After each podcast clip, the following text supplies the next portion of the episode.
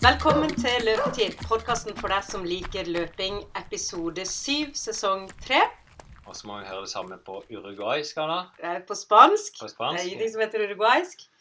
Bienvenidos a Hora de Correr, episodio numero siete.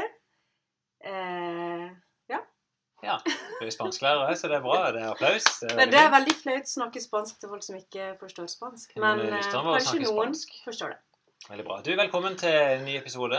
Vi skulle nå Ja. vært inne med en live-episode som dessverre gikk eh, filleveien. Ja. Men det er jo Vi får jo bare ta det på den der eh, prøve noe nytt-kappa.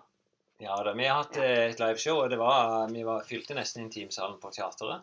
Mm. Eh, Nesten føles i hvert fall som full, eh, full sal, og da hadde vi flotte gjester inne. og En fin episode.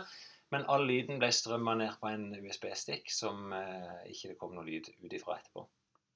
Så det det var- beklager vi veldig, og det var kjempetrist at ikke vi fikk med oss dere lyttere på den sansen. Men Veldig hyggelig for de som var der. Ja. Så fikk de en unik opplevelse. Så skal vi ta en liten recap på noe av det. Eh, vi er med oss både Tommy her, vi er med oss Frode Balken, som vi skal hilse på. Men vi er ikke med oss Joakim Hansen, som var til stede. Vi er heller ikke med oss Eivind Haugstad, som gjorde en gjesteopptreden. Og vi hadde til og med Anstein, eh, som eh, en skiskytter, som var innom og, og sa noen velvalgte ord. Ja, Så det var en veldig fin kveld. Men for at ikke dette skal bli sånn derre Hei til dere som ikke kom på festen. Vi hadde det dødsgøy. Så eh, skal vi Eller for de som er i Kristiansandsområdet, da, så skal vi jo kjøre nytt show 15. mai. Og da skal vi passe på at teknikken er i orden. Da smeller det. Ja. Da skal vi teste på forhånd. Mm.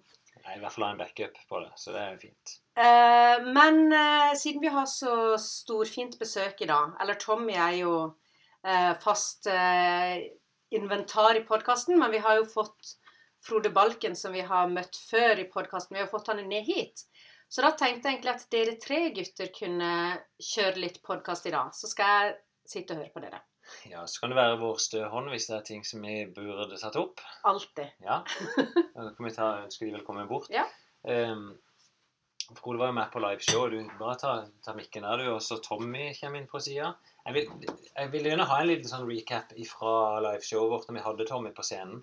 For eh, vi hadde en PowerPoint-presentasjon. Kanskje jeg kan legge den ut òg, Anna. Det kan vi se om vi finner en måte å gjøre på. Men eh, Tommy, det er først. altså. Du har jo hatt eh, Lytteren kjenner deg litt grann nå. Eh, kjenner deg ofte som den som har slitt voldsomt. Vi la ut et bilde av deg. Du ligger i nesten sånn her mulastilling og, og ber på asfalten. Ja. Eh, og det har vært liksom ditt kjennetegn. Det har vært å, å hente ut alt. Og nå har vi sett endelig ei ordentlig endring i treninga di. Kan ikke du prøve å beskrive litt nå hvordan trening er for deg nå kontra før? Ja, treninga har jo blitt eh, litt lettere nå enn før, i alle fall. Så um, jeg, har, uh, jeg har etter vi gjorde litt makspulstest og litt sånne ting, så har jeg begrensa meg mye.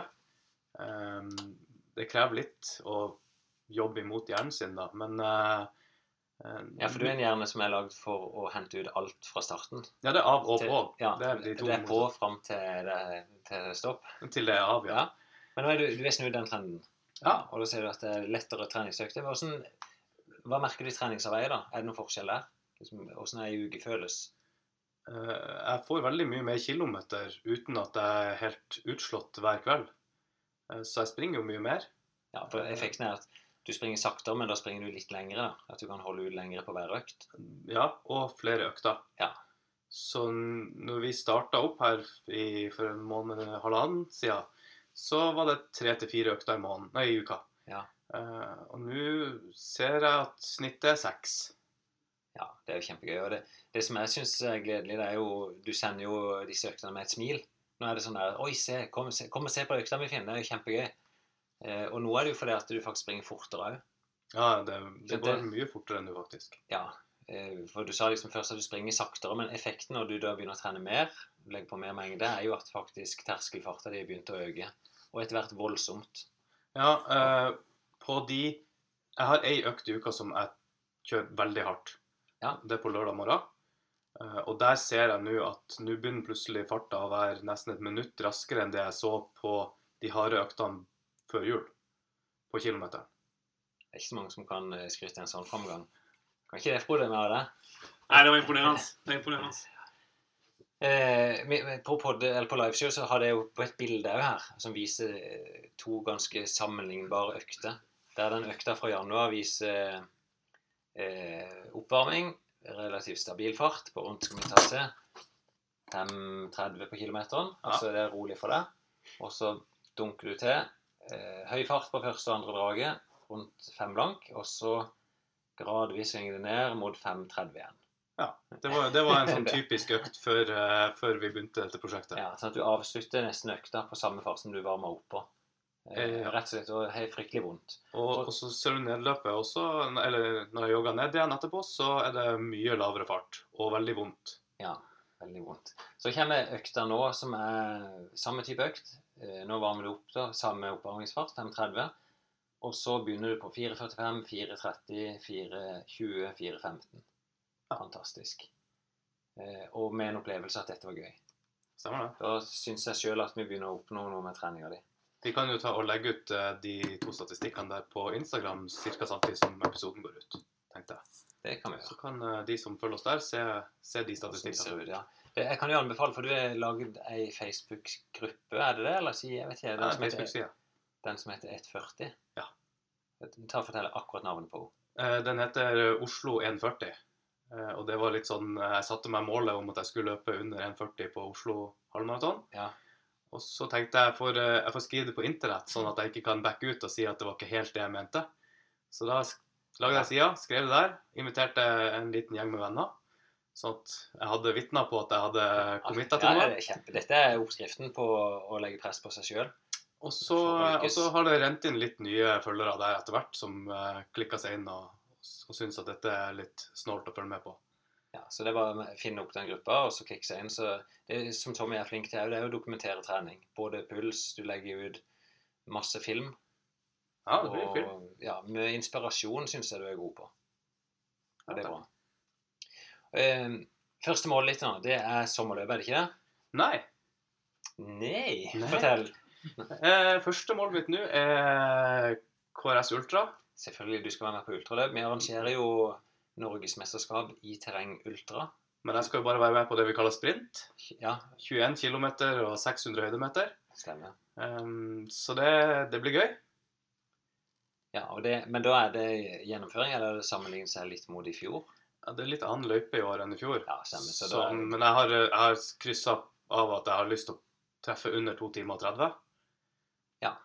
Og så får vi se hvordan det er. Det er ganske mange i løpeklubben som har sagt de også vil løpe på ca. den farta, så vi blir vel ei klynge der. det er ganske artig, da. Der du i fjor var og vaka ganske langt bak alene, så er du blitt eh, en del av midtpunktet i klubben. Det det var, jeg er veldig sånn forsiktig med å sammenligne resultatet i terreng fra ett løp til et annet. altså. Det kan være så varierende forhold og, og løype at det er, ikke, det er ikke veldig hensiktsmessig å sammenligne tida nøyaktig. Nei, og denne løypa i år er jo ganske annerledes fra i fjor. Ja, den er det. Så det er bra. Men så er det sommerløp for din del, og der skal du springe 10 km. Nja, jeg har Kanskje det blir en 10 km, men jeg har lova sønnen min at jeg skal løpe sammen med han. Ja. Han er ni år, så da, da blir det nok litt lavere fart enn det jeg normalt springer. Men vi får se om, om det blir begge deler hvis vi rekker, eller om det bare blir ni, den lille fem kilometeren med han. Ja, stemmer. Ja, men eh, du, det som jeg opplever nå, da, Tommy, det er at du har litt glede inn i dette, og til og med deg familien. Ja. Så det er bra. Helt supert. Eh, når Frode kom i stad, så nevnte du Du kan du er Frode. eh, sa at det, nå begynner det å bli litt relevant å snakke om det som har med kanskje overtrening, at en blir for ivrig. For det, du har jo hatt en fantastisk utvikling. Du har fått det ordentlige trappetrinnet opp. Alt svinger din vei. Eh, Du konkurrerer nå kanskje nesten ukentlig, gjør du det, i terrengkarusellen? Ja, nesten. Ja, og så sier du i tillegg så kjører du ei økt hver lørdag som er ganske hard. Eh, hva kan skje da, Frode? Du, eh, vi skal inn litt eh, og snakke med deg igjen. Vi snakka med deg før. Men hva tenker du når du hører at ting går så bra? Så hvilke gule lys er det som begynner å blinke? Det første er jo at det går veldig bra. Det er jo veldig gøy, og det er jo det som egentlig danner grunnlag for hvorfor vi skal holde på med dette. fordi det er veldig, veldig gøy. Men det som er faren nå, som jeg tror mange måte kanskje må tenke litt på, er jo at vi kommer inn i en Snøen er forsvunnet de fleste stedene i Norge, i hvert fall. Eh, Her nede har det vært borte lenge. Men vi kommer jo inn, og folk er litt sånn våryre, og nå vil vi gjerne løpe fort hele tida og, og, og være med på alt som fins. Mm. Og Da er det krevende å holde mengden oppe og få trent godt over tid. Og det er tross alt så For Tommy som skal løpe fort i, i september, så er det ganske mange måneder igjen. Mm. Eh, sånn at å, å, klare å holde det trykket som, han, som du har begynt på nå, eh, fram til september, det er egentlig det som er kunsten. Å få kontinuitet i, i treninga helt fram dit. Ja, og Det er jo nøkkelordet. nøkkelord, det. akkurat med kontinuitet. Det er jo egentlig det du opplever nå, men du har økt mengden, du klarer å trene mer, da blir du bedre. Og hvis du klarer å gjøre det over lang tid, så blir du enda bedre. Uh, og, og, men hva tenker du Frode? da? Det er jo veldig gøy i den stimen han er inne i nå. Mm. Og det å konkurrere opplever du som gøy. Hvordan skal han klare å holde igjen, eller holde den kontinuiteten? Jeg tror ikke det er farlig å konkurrere sånn i seg sjøl, men jeg tror bare at en skal passe på at ikke en skal lade opp til hver konkurranse og, og liksom hvile seg i form til hver torsdag og hver lørdag. Da blir, det, da blir det dårlig kontinuitet. Men, men eh, du har jo en eh, fantastisk eh, flott trener som du har fått tak i, så han eh, ville jo hatt en dialog på, måte, hva du skal prioritere, og hva som er viktig for, for der du er nå.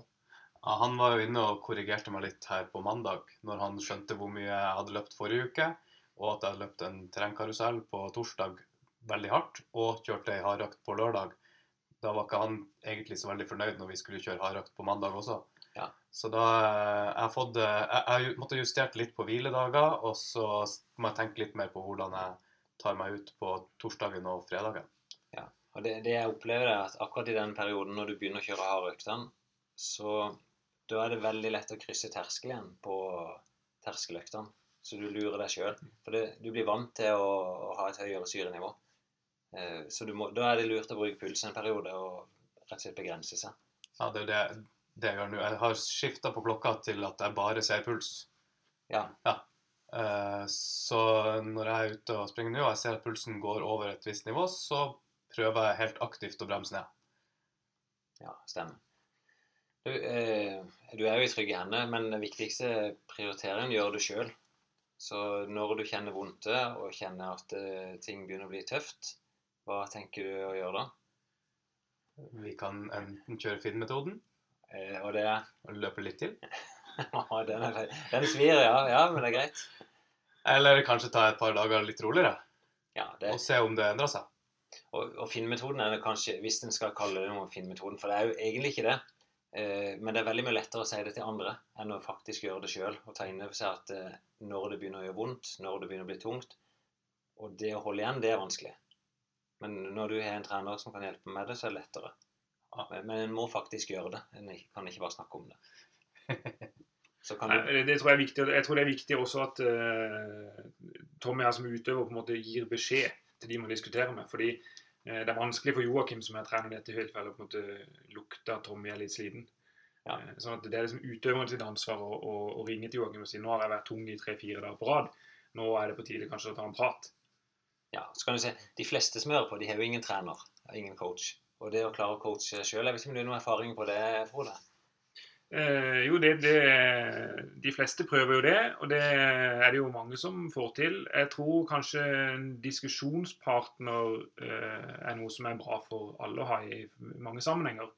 Eh, Det trenger ikke nødvendigvis være en trener som er veldig godt trent, men, men, eh, men, eller som er veldig sånn kompetent, men det kan i hvert fall være en å diskutere med, en du trener sammen med, eller en du, du eh, snakker litt med. For det er jo det som du sier, Finn, at det, det er veldig mye enklere hvis noen forteller deg en situasjon, Ja, det det. og komme med liksom gode råd, enn å være i midt i det, eh, den stormen sjøl. Har erfaring med det sjøl òg. Det blir liksom hvem er treneren til treneren? Og det er ofte bare kompisen. Mm. Og det funker veldig fint. Å bare spørre kameraten din og si at 'dette har jeg tenkt å gjøre, hva syns du?' Å være så åpen. Eller 'nå føler jeg meg sånn, hva hadde du gjort?' Ja. Eh, Da er det lettere å forholde seg til det. Jeg tror du må enda nærmere mikken, Frode. Ja. Så jeg lurer på vi, vi, vi faser Tommy litt ut på venstrefløyen. Vi hadde det inne på podkasten, og, og vi er jo inne på et tema akkurat det med å følge opp utøvere. Eh, For du er trener for en av verdens beste oløpere. Kanskje all, den aller beste. Eh, og det er Ola Lundernes. Eh, det som jeg forsto, han bor i hvert fall ikke i Kristiansand, han bor nede i Østfold, kan det stemme? Det er riktig, ja. For det er verdensmesterskap i eh, orientering i Østfold i år. Mhm. Og da er det alltid litt sånn gøy med oløperne. De virker som de flytter etter verdensmesterløpstraseen. Ja, ja, for nesten. Vi, vi prøver jo å finne de terrengene hvor det er veldig relevant. Du kan trene mest mulig relevant terreng eh, uten å være i den skogen vi skal løpe konkurranse i. Så er det en del av konseptet vårt. Og veldig gøy at du sier vi, for det virker som du bor i Kristiansand fortsatt. Men du, du flyger ikke rundt i eh, Østfold-lyd? Nei, det er en sånn ulempe, eller en sånn eh, uvane jeg har. da, Men jeg, jeg snakker veldig ofte med vin, både når jeg snakker med, om utøverne mine og med utøverne mine. Og det er en litt sånn, kanskje litt sånn mental uh, greie, men, men jeg, jeg tror det har en effekt. da. Ja, og Tanken er da at vi vinner sammen og vi taper sammen. Ja. At det er noen å støtte seg på. Ja. Men hvordan en sånn type utøver eh, Ola Lundanes han, er sikker, han begynner å nærme seg 30 år, kan han gjøre sånt? Mm -hmm. uh, en voksen utøver som har masse erfaring. Hvorfor trenger han en trener som ikke engang er til stede? Nei, han, han trenger jo en diskusjonspartner og en, eh, en veileder. Si. Han har jo en, en landslagstrener som er med ham på samling. Han har eh, en kjæreste som er god eh, til å diskutere med, men, men ofte så kan man ha behov for en som på en måte bare er på utsida og diskuterer med altså uten, Han er ikke part i noe sak. Så Olav er på en måte sånn han, han eh, Vi snakker veldig mye om det mentale, de, de tankene han har, de prosessene han har, de, de, når, det, når, det, når det går trått, eller når det går uh, veldig bra, eller, eller når han må justere. Ja, Det er da vi snakker mest sammen. Snakker du på mail eller på SMS eller Snakker telefon? Snakker uh, alle tre, men, men primærtelefonen er Ja. sånn ordentlig diskusjon. og, og, sa, og de følelsene han beskrev der, er det i treningsarbeid eller er det i konkurranse? Ja, Det kan være begge deler. Vi, vi snakker jo veldig tett i konkurransesesongen. Da snakker vi tettest inn mot et VM eller inn mot et viktig løp. Eh, men vi snakker også i, i, i treningsperioden som vi er inne i nå. da. Snakker vi litt sjeldnere, men, men da er det mer justeringer underveis. da. Og, ja, og, og dette er veldig interessant, for du snakker om tankearbeid. Snakker ikke om tankearbeid i et løp, hvordan det fungerer. Kan du beskrive da, hva, en sånn type samtale? Hva er det, er det du vil at han skal tenke? Ehm, I konkurranser så er vi jo veldig opptatt av måte, hvilke fokusområder du har, og at du klarer å holde fokus på kartet og de oppgavene du skal gjennomføre. For ikke, Vi skal ikke bare løpe rundt og rundt på en bane eller rundt og rundt på en merka løype. Vi må jo finne ideell veien hele veien. Så Å glippe konsentrasjon i orientering i to, tre, fire, fem sekunder, det kan være nok til at du er ute eh, Ja, av kampen om å vinne et gull. Ja, Så hvis du bare plutselig springer, Ja. så er du kjapt? Ja. Så det handler om å holde fokus, og det handler om å, å gjøre de tingene som han vet at skal til for å vinne. Ja. Kan jeg spørre om det? Jeg har jo løpt noen ordløp, og jeg må jo kikke mye på kart, men de aller, aller beste, hvor hardt presser de seg gjennom et løp? Er dette litt som skiskyting, at de må senke seg litt ned for å ha kontroll, eller kan de gå helt opp imot maks? Ehm, Det er jo selvfølgelig avhengig av nivået på det tekniske nivået, men, men sånn som Olav er så god teknisk at han kan løpe nesten opp imot maks. Men de løper jo så lenge. Sånn, Sånn langdistanse for Olav, da løper han 90 minutter, 95, Ja. kanskje 100 minutter. Så du vil jo aldri måtte ligge på syregrensa over lang tid. Ehm, Men du kan si, det er jo en sånn, vi snakker om terskelfart i fysisk trening, men terskelfart med kart er jo på en måte også en terskel. Sant? Den Ja, farta du kan løpe med kontroll. Ja, Og det er jo det som er kunsten i orientering. da. Stemmer. Her får vi besøk. En tommel opp. Dette er veldig bra. Det var Øystein Hjorthaug som har fått sko fra Misuno. Ja, vi, ja, vi er litt fornøyd, altså. Det er gøy. Jeg snakker jo litt om det. Jeg får mange spørsmål. Er det noen som liksom hevder at vi er sponsa av Misuno? Vi er jo ikke nødvendigvis sponsa av Misuno, men du er tilbudt deg å være til stede på podkasten og, og fortelle om produktene dine. Mm. Og noe, Vi snakka jo litt om sko. Vi kan jo gå litt ut av ordverdenen og inn i skoverdenen på nytt. Mm. Um, for det jeg utfordret, var jo litt sånn Hva er det som gjør en sko god? Uh, jeg husker ikke om vi var inne på det når vi var oppe i studio hos deg heller, men, men er, det, liksom, er det forskjell på en Nike-sko og en Misuno-sko sånn i prinsippet? Er den ene bedre enn den andre? Jeg, jeg tror jo, det var, Vi snakka litt om det sist, men jeg tror jo altså Skoprodusenter har jo hver sin måte å produsere sko på. Og Noen prefererer Misuno, og noen prefererer Nike. Eh, og det, det er vanskelig å si at den ene er bedre enn den andre, men, men eh, Er det noe sånn eh, Jeg opplever i hvert fall det at f.eks. Adidas at de er smalere. Både Adidas og Nike er litt sånn smalere Ja. foran på vrista, Ja. mens Misuno er bredere. mm. Er det sånn det er? Er det fordi Ja, Misuno har en eh, Vi har nok en bredere, eller en brei passform. Er det fordi at det er fra Japan, og japanere er breifødte? Er det sånn? Ja, det, det, det kan godt være. Vi er jo litt fornøyd med det, fordi vi nordiske føtter er jo også litt bredere enn eh, europeiske eller ellers. Så, så vi, vi, eh, vi får Så- tilbakemelding på at passformen på vår sko er ok. Ja, så, så det er ikke sånn at de lager én sko for nordiske markedet og én sko for det europeiske? Nei, Det er det samme Misuno-skoen som distribueres over hele verden. det er helt riktig. Jeg viste jo et bilde. Vi var ute og løp med noen eh, kompanjonger dine. Da hadde vi besøk av Zotacho Nei, jeg vet ikke hva de heter. To, to japanere, da. Ja. Han ene Vet du hva de heter sjøl? Ja, de, eh, Tomo heter han ene. Han er jo sjef for eh, sko, altså for løpesko i Misuno eh, globalt. da. Så det er han som, er, som bestemmer hva slags sko som produseres, og, Ja. og hvilken vei den skal gå. Og når han var oppe og besøkte oss, eh, da er de oppe for å se på Er det markedsføringa, eller Nei, Der er de oppe for å høre de- altså Norden er et ganske stort marked i Misuno-sammenheng. Eh, og Da er de oppe for å lære om vårt marked, eh, forstå hvilke behov vi har for å selge sko. Eh, produktutvikling, fortelle om de siste nyhetene. Eh, og for, Vi har det jo med det for, å- for å liksom at de skal få kjenne, at møte folk som bruker sko, og få høre hva er det egentlig forbrukerne er opptatt av. Ja. Og det er jo det Vi er jo i i Norden og, og veldig opptatt av liksom å være kundedrevet og kundevennlig og, og liksom lytte til kundenes behov. Ja. Eh, og det, Ja, det er prøver vi å ta med oss videre fra Asia. eh, Er det ikke det noen nede i Asia igjen å hente inspirasjon? Eh, Vi har vært i Asia noen ganger. Jeg har ikke vært så heldig å få komme dit ennå, men, eh, men de som har jobba der litt lenger der, de har vært eh, i Asia og fått, eh, fått oppleve det. Og det er jo en helt annen verden enn det vi har her. Det er tøft. Mm. Du, jeg lurer på eh, Ana, vi lå slange i en sofa her nå Ja, det var utrolig fint å bare sitte og høre på dere. Ja, det blir som en livesending for deg. Ja, ja, ja. jeg hadde en plan på, på sendinga sist, så jeg tenkte Det var noen lytterspørsmål. Folk fikk, ble, de ble oppfordret til å sende inn noen spørsmål. Ja.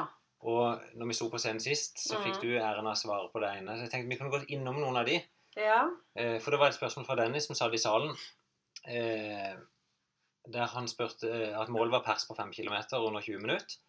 Eller 10 km under 45 minutter. Mm. Han skrev vel at hvis han måtte velge, så måtte jeg da velge Det husker jeg faktisk ikke. 10 km under 45, må jeg bare tipper nå, da. Ja.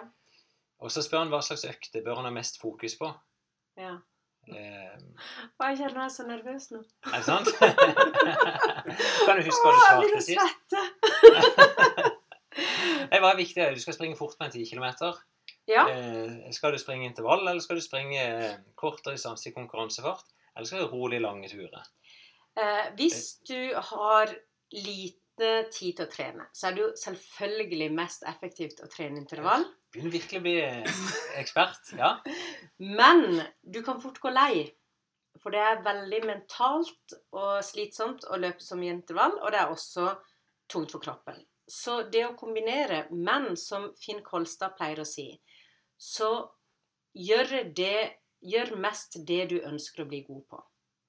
Det var der du begynte sist. Du, Ja. var, du blir solgt av det her nå. Så du sier eh, ja, gjør, gjør det du ønsker bli god på. Jeg, Mm. jeg korrigerte litt på scenen der, for det, at, eh, det handler mest om å drive med løping hvis du driver med løping. Ja, da kan du ikke sykle og ro og svømme hvis du skal bli god til å løpe. Hele tida, i hvert fall. Nei, du kan gjøre noe av det, men du blir Mm. best til å sykle hvis du sykler med, og best til å løpe hvis du springer med. Det er jo sånn det er. Så det er i hvert fall det viktigste med den spesifiteten. Mm. Men så er det et poeng, som du sier, det å hvis du skal bli god til å springe 10 km, så kan du si i teorien ja, da, da må du jo springe en del i den farta. Du må i hvert fall Men- vite hvor langt 10 km er. Det må du gjøre. Og løpe det og ha en følelse av hvor lenge Sånn som du har sagt av og til når vi har vært uh, ute og løpt, så har du sagt Kan du holde denne farta så og så lenge? Og jeg kan huske De første gangene så hadde jo ikke jeg peiling, for jeg visste jo ikke hvor lenge det var. For for meg 1 km og 10 km var liksom Det var ingen følelse. så det er jo det at man, eh, man eh, må løpe, og, kom, og så variere. Og kombinere. Ja, men jeg syns det er et egentlig Mm. godt svar. Og, eh, altså, en, en bruker både litt harde intervalløkter, noen moderate kontinuerlige økter og noen joggeturer. Mm. Og så har de hver sin hensikt. Og da skal vi ikke ta repetisjon på det akkurat nå. Men fire økter i uka, da har vi en, eh, en god plan på det. Ja. Eh, Litt av det samme spurte Jan Kristian om. Han, han spurte hvordan skal du trene for å redusere 10 km farta fra 46 til 47 minutter til under 45 minutter. Med utgangspunkt i tre løpøkter i uka. Spør for en venn, skriver han jo. ja, da. Eh, det er sånn, Hvis du går ned ett minutt, det er veldig det er veldig lite endring som skal til for å klare ett minutt. Skal du gjøre sånn som Tommy, da, eh, gjøre stor endring i sluttresultat, så må du stor endring i treningsarbeidet. Mm. Eh, og vi vet jo ikke hva Jan Kristian har trent fra før. Men hvis han skal trene tre økter i uka Jeg ville trent ei moderat intervall, ei hard intervall og en joggetur. Så, Men, så klarer han fint 45 minutter. Nå høres jo jeg veldig, veldig dum ut. Men jeg tenker, hvis du løper en 10 km, og du nærmer deg mål, Ja. Kan du ikke bare kjøre på og komme ett minutt under, da? Eller er det for mye Ja. tid til å bare liksom skjerpe deg, da? Ja, det, Joakim hadde jo et interessant spørsmål på scenen. Altså, Mm. En sånn dampveisvalgspørsmål. Ja. Altså, hvis du er god liksom for Da er utgangspunktet 9-10 på 3000, Mm. og så sender du ut en dampveivals etter deg når du springer 3000, og den Mm. kjører i 9 blankfart, om du da vil bli overkjørt eh, og dø, eller om du faktisk vil klare å presse deg hardere. ja. Jeg tror, og da hadde jo du et veldig godt svar. Hadde det? Ja. Ja. Og det er at hvis du er liksom en av verdens beste, så er det ikke sikkert at du klarer det. Nei. Men hvis du Jeg hadde jo klart Eller sånn Jeg vet Du, jo. ja, for det du sier når du springer, du har alltid litt å gå på. Du kan alltid pushe enda mer.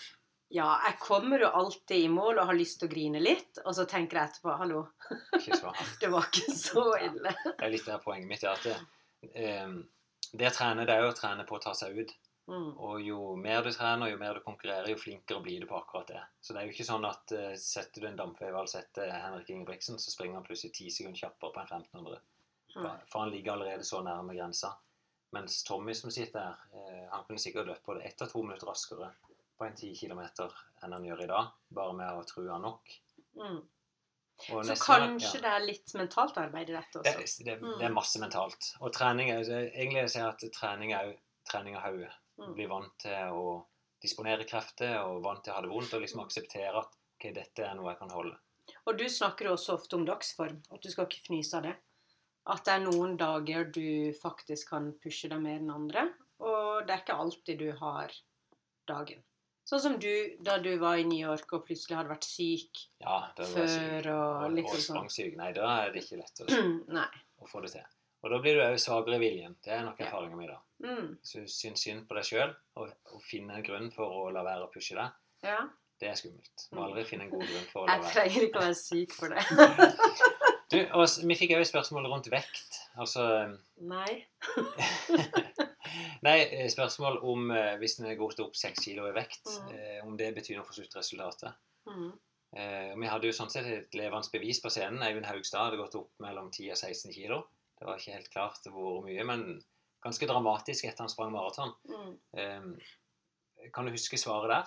Altså, hva, Ja, det var vel eh, at Det var vel Joakim som hadde regnet ut akkurat hvor mange sekunder eh, Det var vel eh, noe sånn ett sekund eller noe sånt på kiloen eller noe sånt. ja, ja, han kom med en ganske bøs påstand på dette, ja. Men eh, det er jo det at selvfølgelig skal du bære mer, så er det Går det kanskje litt seinere, eller det er tyngre å løpe. Men jeg husker også en annen ting du sa en gang. Om at folk som hadde i hvert fall vært store og gått ned, de hadde så kraftig beinmuskulatur ofte. Som var en fordel i løping. Ja, nå begynner er inne om eh, på likt her.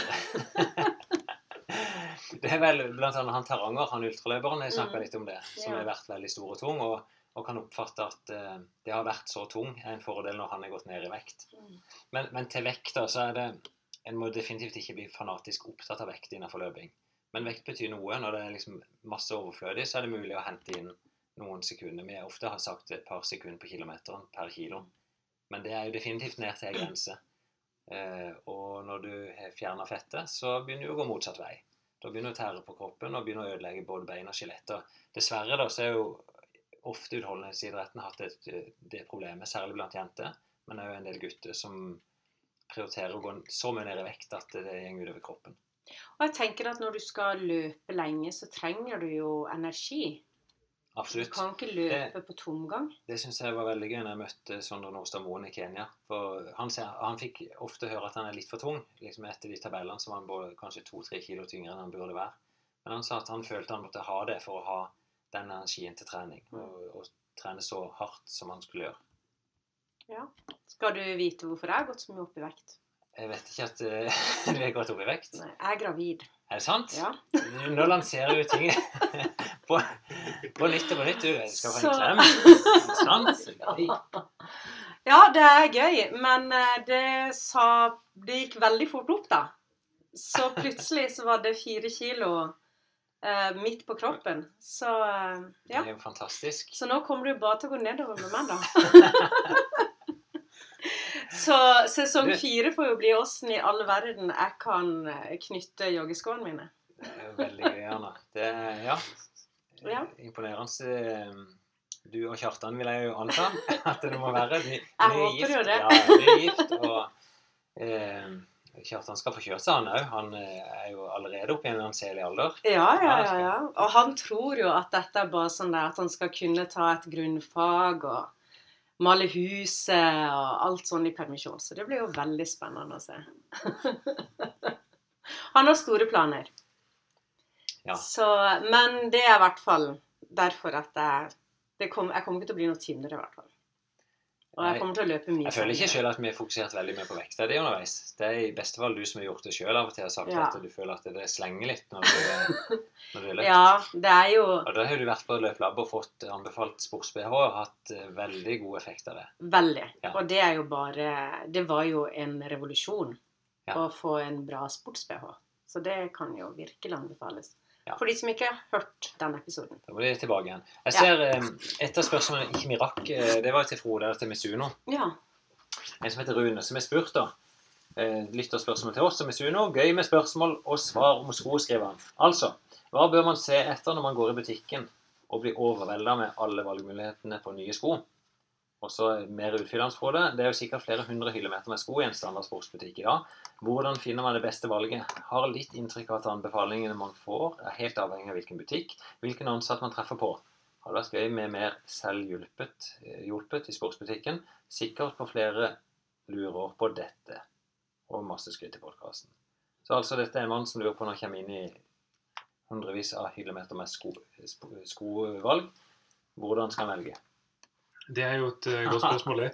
Eh, og hvis jeg hadde hatt fasiten på det, så hadde det vært enkelt. Men jeg tror det viktigste er vel å finne ut av eh, hvilke sko har du brukt før, og er du fornøyd med de skoene. Fordi hvis du har noen sko du har løpt med eh, lenge, og er superhappy med de, så, så tenker jeg at det er ikke noen grunn for å bytte bare for å bytte.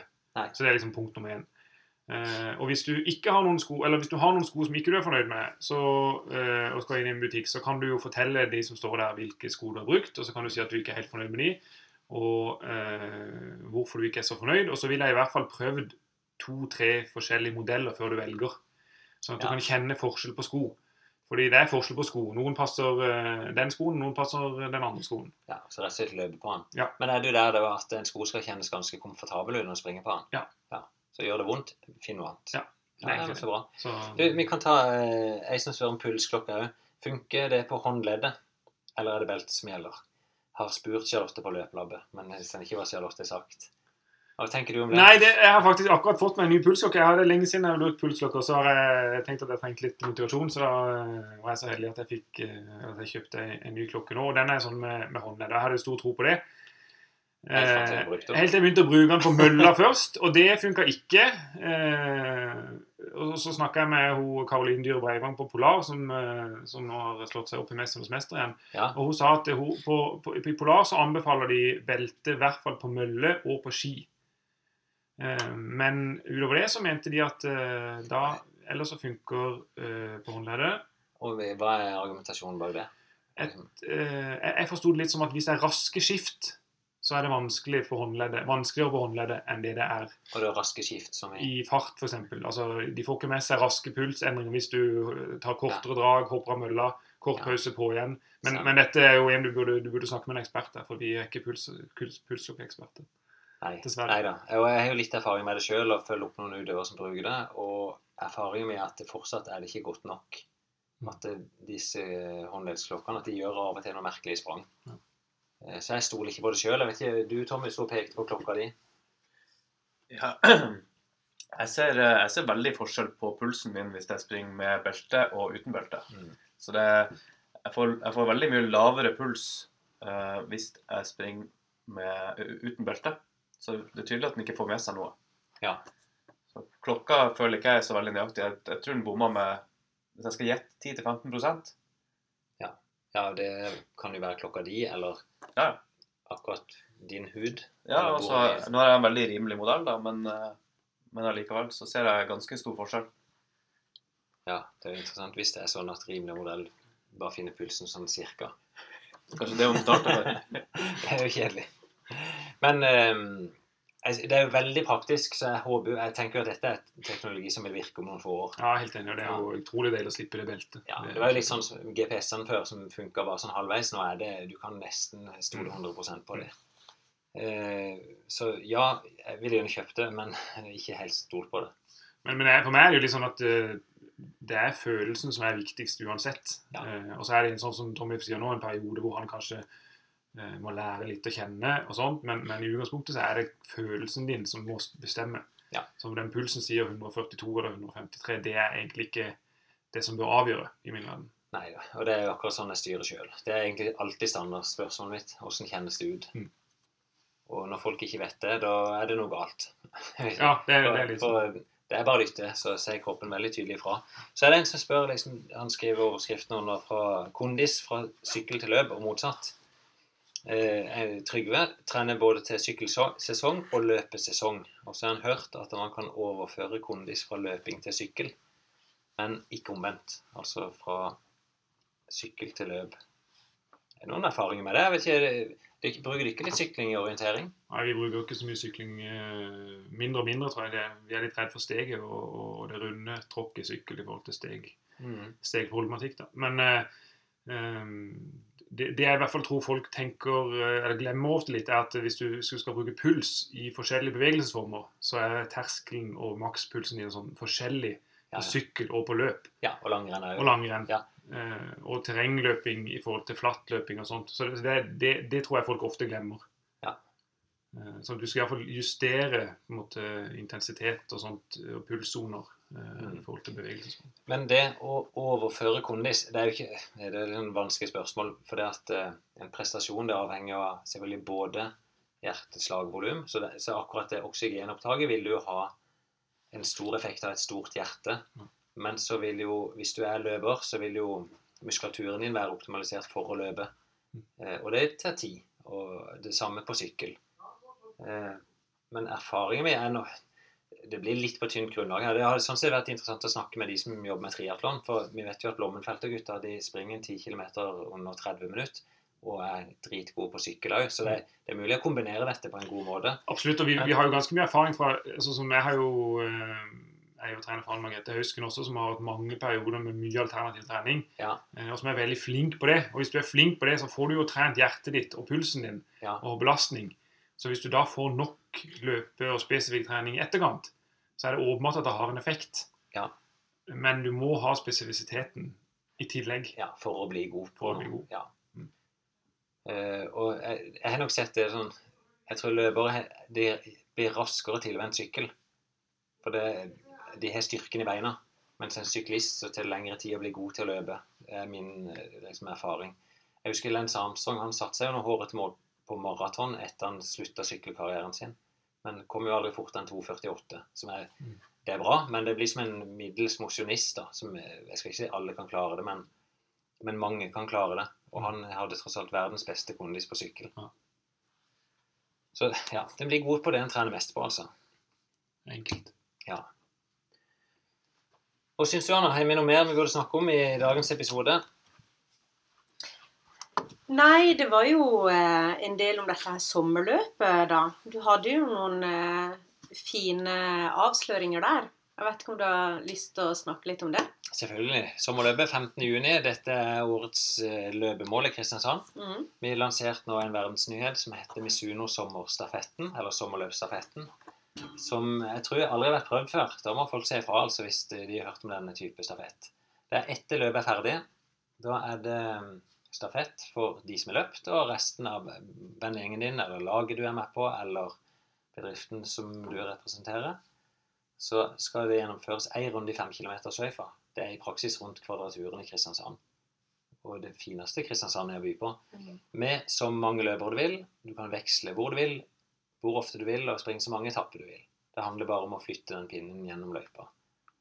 Dere hadde jo lagd en veldig fin video som vi Ja. viste. Så jeg vet ikke om det går an å legge den ut. Vi kan dele den. Ja. Eh, og vi håper jo at dette blir en suksess. Det, eh, sommerløpet det skal jo være individuelt, men det er lav terskel for å delta her. Men Mm. på stafetten det skal bare være gøy. Ja. Og det skal være ei ramme som gjør at det kan være moro å samles til en sommerfest etterpå. Mm. Og så har vi lagd eh, ei veldig fin ramme hos en av partnerne våre etterpå. Der folk kan både spise og hygge seg sammen utover kvelden. med god musikk.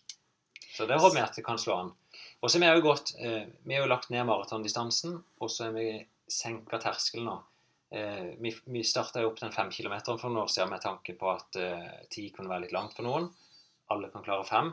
Men så er vi blitt kontakta av folk som sier at nei, det er ikke alle som kan klare fem. Eh, noen eh, Det kan være sykdom eller skade, eh, handikap, som gjør at det kanskje halvannen kilometer er nok. Så da har vi lagt et alternativ på, på den korte løypa vi kaller mestringsløpet og allemannsløpet. Der du kan brekke av fem kilometer tidligere og komme raskere til mål. Men har du fått noen kommentarer på det at ikke det skal bli maraton? Ja, selvfølgelig. Mm. Eh, Det er alltid noen som Med en gang du gjør en endring, så er det alltid noen som er uenig.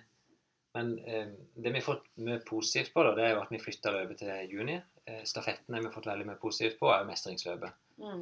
Eh, også, vi vet jo at det var 80-90 stykker som sprang maraton, og de selvfølgelig, de syns det var hyggelig å springe maraton. Eh, men det krever veldig mye av oss som arrangør. Det er mange timer da, å stå ekstra. Og i hvert fall når du skal ha en sånn folkefest midt i bysentrum, så fant vi ut at vi får gjøre det heller på en annen måte. Mm. Så nå går du litt for bredde, og for å gjøre dette her om til en eh, løpsfest. Jeg har prøvd på det hele tida. Ja. problemet er å nå de egentlig sånne som deg, som sitter hjemme og syns at det å springe med startnummer, det er ikke noe særlig. Nei. Eh, Så vi prøver jo å nå de. Så markedsføringa vår er først og fremst mot alle som syns det nå kan være gøy å ta del i en sånn løpsfest. Så vi, vi hadde møte med alle sponsorene forrige uke, og vi, noe av det vi prøver på, er å lage veldig mye liv i løypa. Så det skal være gøy å delta, det skal være gøy å stå på sidelinja og heie. Mm. Så noe av det vi prøver på, det er å få eh, aktivitet hver kilometer i løypa. Da- Ja, for det er, jo, det er jo gøyere å løpe nedover markens enn det er å løpe der hvor du føler at du er glemt av resten av verden. Og ja, du, du kan ikke se noen foran deg eller bak deg. nettopp. Så, men Finn, jeg tror vi begynner å nærme oss en avslutning. Gjør det. Ja, det har jo blitt en veldig fin sånn eh, guttepodkast i dag. Ja, Med- nei, vi, vi har fått en, et nytt medlem i klubben. Ja. Vet du om det blir gutt eller jente forresten? Er vi der? Nei, det, det vet vi ikke ennå. Nei. Men uh, du skal få vite det med en gang. Vet du hvordan navnet blir? Nei. Nei, det er ikke bestemt noen retning for det. Nei, så uh, det har jeg Det tenker jeg at eh, sikkert kommer etter fødselen. Ja. Mm. Jeg tenker neste episode at den skal komme ganske kvikt. Ja. Joakim snakker kanskje om å få dokumentert en sånn terrengkarusell og, og løpt gjennom der. Kanskje mm. springe med den og teste litt. Vi skal snakke om stadionmila, som Tommy Vi hadde årsmøte i løpeklubben, og da er noen rekt opp hånda og sagt at de kan ta ansvar for det. Så den skal vi snakke om, som blir i slutten av august, men ikke da. Nei. Jeg har vært hos en naprapat og snakket med han, så tenkte jeg vi kunne dratt han inn og, og sett hvordan de tenker. Er det pga. din egen skade? Nei. Nei. Eh, det vil si Jeg var der pga. en ny skade. Oi! Ja. Eh, Men jeg har ikke tatt opp noe der. Nei, Jeg datt ned trappa på hytta i helga, så jeg har slått meg ganske heftig i ryggen. Jeg ler ikke. Uff da. Og Joakim sa at mora hadde sagt at uh, eh, galne hunder får eh, revet skinn.